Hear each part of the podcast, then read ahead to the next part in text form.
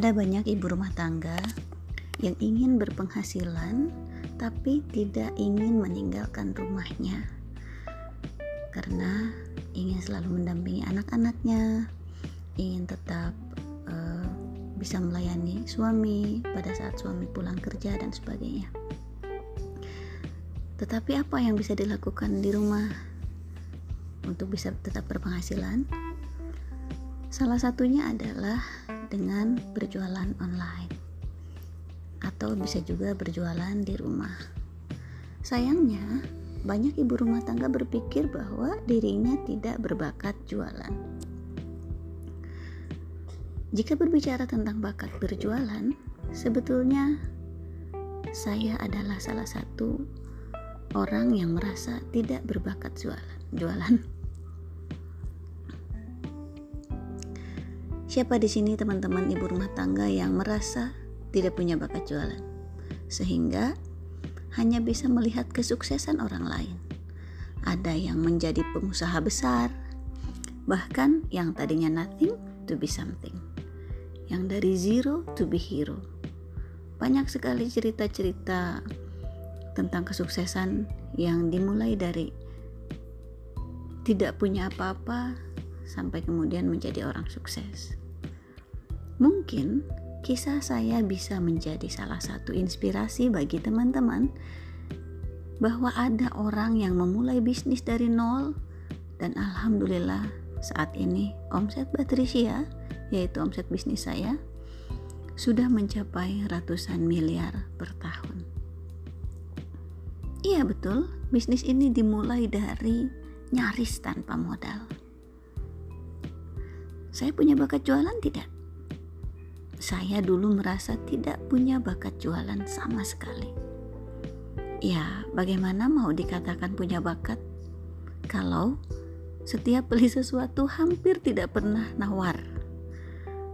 Kalau jual sesuatu, orang bilang harganya berapa, saya juga tidak enak untuk menolaknya. Apalagi kalau yang membelinya itu teman, orang yang kita kenal.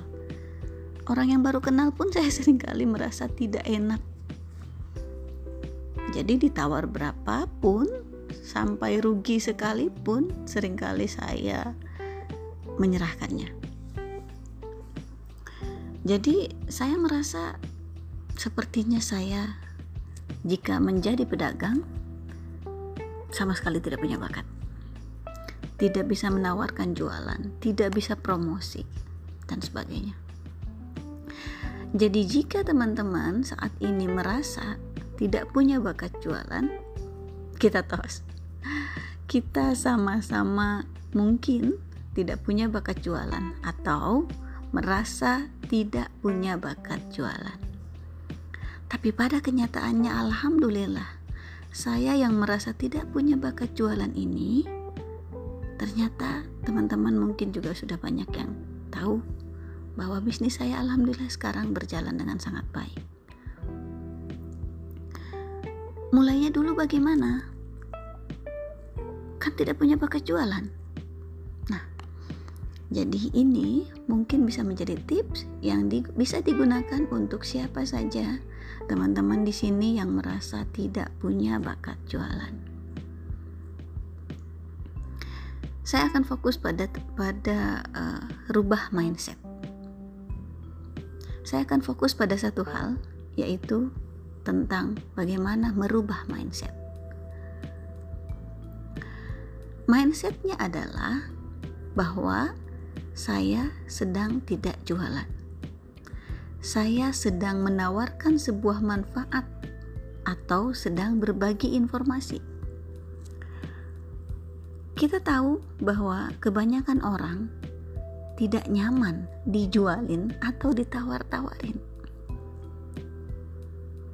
Tapi kalau mindset kitanya adalah menawarkan suatu informasi yang bermanfaat, maka sikap kita biasanya juga cenderung tidak memaksa.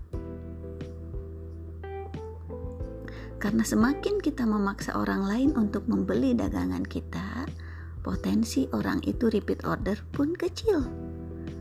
Saat itu mungkin orang itu beli karena tidak enak.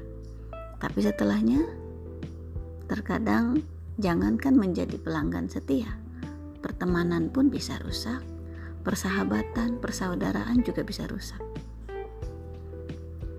Kalau kita mindsetnya adalah berbagi manfaat, maka sikap kita biasanya akan cenderung santai.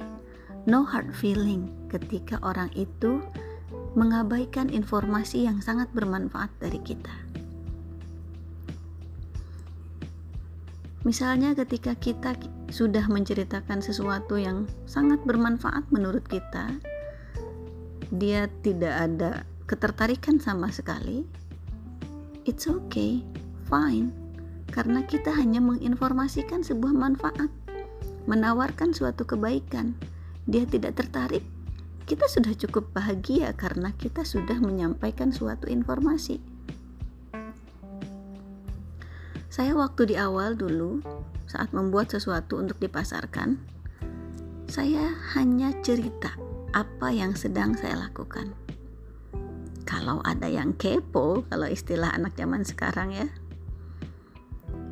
saat orang yang sedang saya ceritakan itu kepo atau saat orang yang sedang saya ajak bicara itu kepo itu adalah jalan untuk kita menjelaskan lebih jauh. Tapi kalau dianya abai cuek tidak terlihat kepo sama sekali ya udah no hard feeling. Kita bisa berbicara hal-hal lain yang lebih menarik Suatu saat nanti, saat bertemu lagi, kita bisa cerita lagi tentang apa yang kita lakukan. Saya biasanya cerita sekilas saja. Saya ceritakan sebuah produk yang, sedang saya buat dengan nada santai, tidak menggebu-gebu. Jadi tidak ada kesan bahwa orang yang mendengarkan itu harus tertarik. Sekilas saja Ketika jualan saya mulai laku, saya juga cerita. Saya ceritakan tentang proses penjualan itu. Kalau orang yang kita ajak bicara itu tetap cuek, kita bisa lanjutkan obrolan yang lebih menarik. Hal ini yang membuat saya dalam berbisnis enjoy. Tidak ada perasaan di PHP-in ketika ada teman bertanya atau misalnya kita memiliki media sosial kita cerita di postingan banyak yang DM atau inbox. Nah tanya-tanya banyak hal. Tapi setelah tanya-tanya banyak hal dia tidak ada kelanjutan untuk membeli produk. Jika mindset kita hanya berbagi informasi, berbagi manfaat, maka tidak ada yang namanya perasaan kita di PHP-in no hard feeling saja. Selalu merasa fine. Yang penting sudah berbagi informasi yang bermanfaat. Perasaan berbagi informasi yang bermanfaat itu bisa membuat kita bahagia. Adapun produk kita kemudian laris, itu bonus saja. Yang namanya bonus bisa ada, bisa tidak, ya kan? Hal ini saya sudah lakukan pada bisnis saya dari dulu hingga saat ini. Dengan cara seperti ini, alhamdulillah tidak ada istilah kalau zaman sekarang ada istilah CLBK ya. Cat lama, cat lama beli kagak. Kalau ada orang ngecat kita lama tapi tidak beli, itu kan menjadi silaturahmi ya Siapa tahu kapan-kapan beneran beli. Atau ada lagi istilah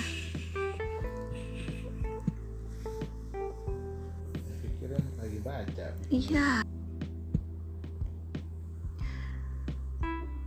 Jadi ketika ada teman baru, teman baru ngechat lama kagak beli.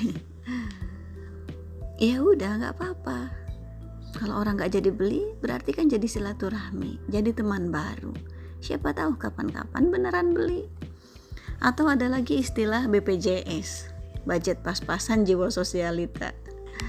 Gara-gara ada pembeli yang ketika tahu harganya mahal dia mundur, ada seller-seller yang kadang-kadang membuat istilah seperti itu ah calon customer tadi BPJS budget pas-pasan jiwa sosialita sellernya bete ketika ada buyer nanyain harga terus kabur. Padahal kan tidak perlu bete ya. Kalau tujuannya tulus berbagi informasi kebaikan insya Allah perasaannya akan selalu bahagia. Karena berbagi bisa membuat dirinya bahagia. Itu akan selalu membuat sellernya enjoy, happy, buyer juga enjoy, calon buyer juga enjoy, yang akhirnya bisa terjalin emotional bonding antara calon buyer, buyer dengan seller. Suatu saat yang tadinya cuma iseng nanya-nanya, bisa jadi akrab dan bahkan bisa jadi pelanggan setia. Jadi tidak pernah menjadi masalah, no hard feeling. Dengan pola seperti itu, alhamdulillah bisnis Batrisya kini sebesar ini. Padahal ownernya merasa tidak punya bakat jualan. Nah, buat ibu-ibu, nah untuk ibu-ibu rumah tangga yang merasa tidak punya bakat jualan, yuk coba kita rubah mindsetnya bahwa kita tidak sedang berjualan, tapi sedang berbagi informasi kebaikan. Jika itu diterima oleh calon customer, kemudian menghasilkan penjualan, itu bonus. Alhamdulillah berarti rizki kita di situ. Kalaupun tidak, akan ada rizki kebahagiaan dari rasa berbagi itu.